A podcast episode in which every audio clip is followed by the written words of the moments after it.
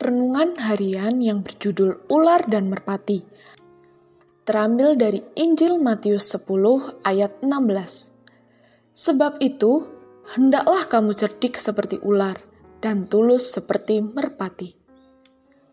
Perhatikan kebijaksanaan yang bekerja pada merpati, bunga, pohon, dan seluruh alam.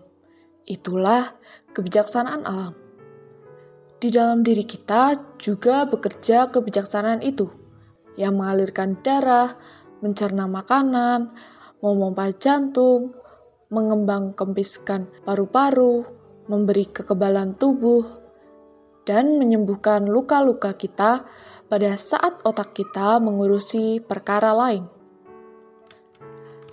Kebijaksanaan alam seperti ini justru kita temukan pada orang-orang yang kita sebut primitif yang begitu sederhana dan bijaksana seperti merpati. Kita yang menganggap diri lebih maju telah mengembangkan kebijaksanaan jenis lain, yakni kecerdikan otak. Kita sadar bahwa kita dapat menjadikan alam lebih baik. Kita dapat mengupayakan rasa aman, perlindungan, umur panjang, kecepatan, serta kenyamanan dengan cara yang tidak dikenal oleh orang-orang primitif. Semua itu dimungkinkan berkat daya akal budi kita yang dikembangkan sepenuhnya. Namun demikian, tantangan kita adalah mendapatkan kembali kesederhanaan dan kebijaksanaan seperti merpati tanpa kehilangan kecerdikan otak seperti ular. Bagaimana cara mendapatkannya?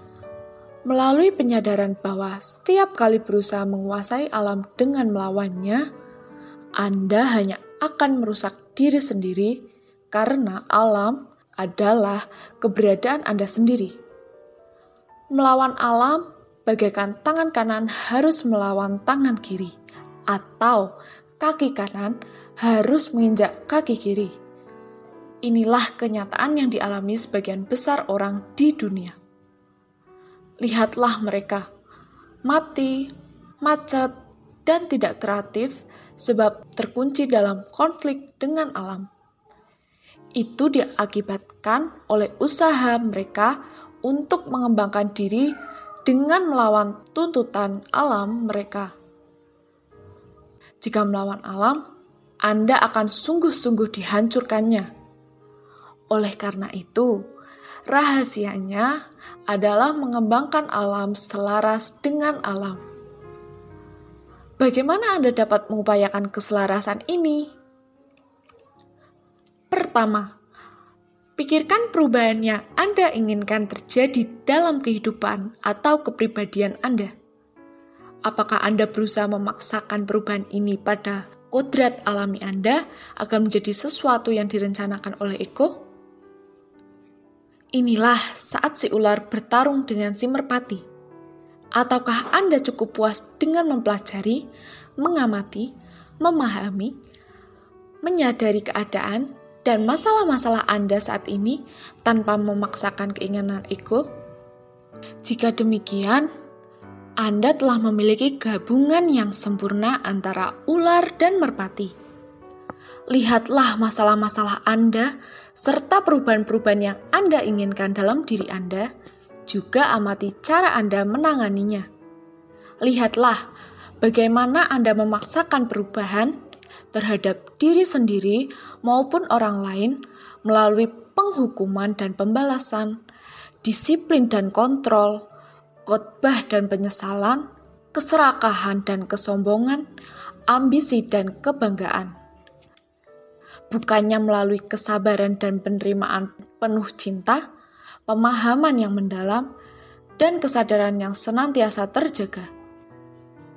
Kedua, perhatikan tubuh Anda dan bandingkan dengan tubuh binatang di lingkungan alaminya. Binatang tidak pernah kelebihan berat badan, tidak pernah tegang kecuali sebelum bertarung atau terbang. Ia tidak pernah makan atau minum sesuatu yang tidak baik bagi tubuhnya. Ia bekerja dan beristirahat sesuai dengan kebutuhannya. ia mampu secara tepat mengukur kebutuhannya akan angin, matahari, hujan, panas, dan dingin. Itu semua karena binatang mendengarkan tubuhnya dan membiarkan dirinya dibimbing oleh kebijaksanaan tubuh. Bandingkan dengan kecerdikan Anda yang konyol. Seandainya tubuh dapat bicara, apa yang akan dikatakannya kepada Anda?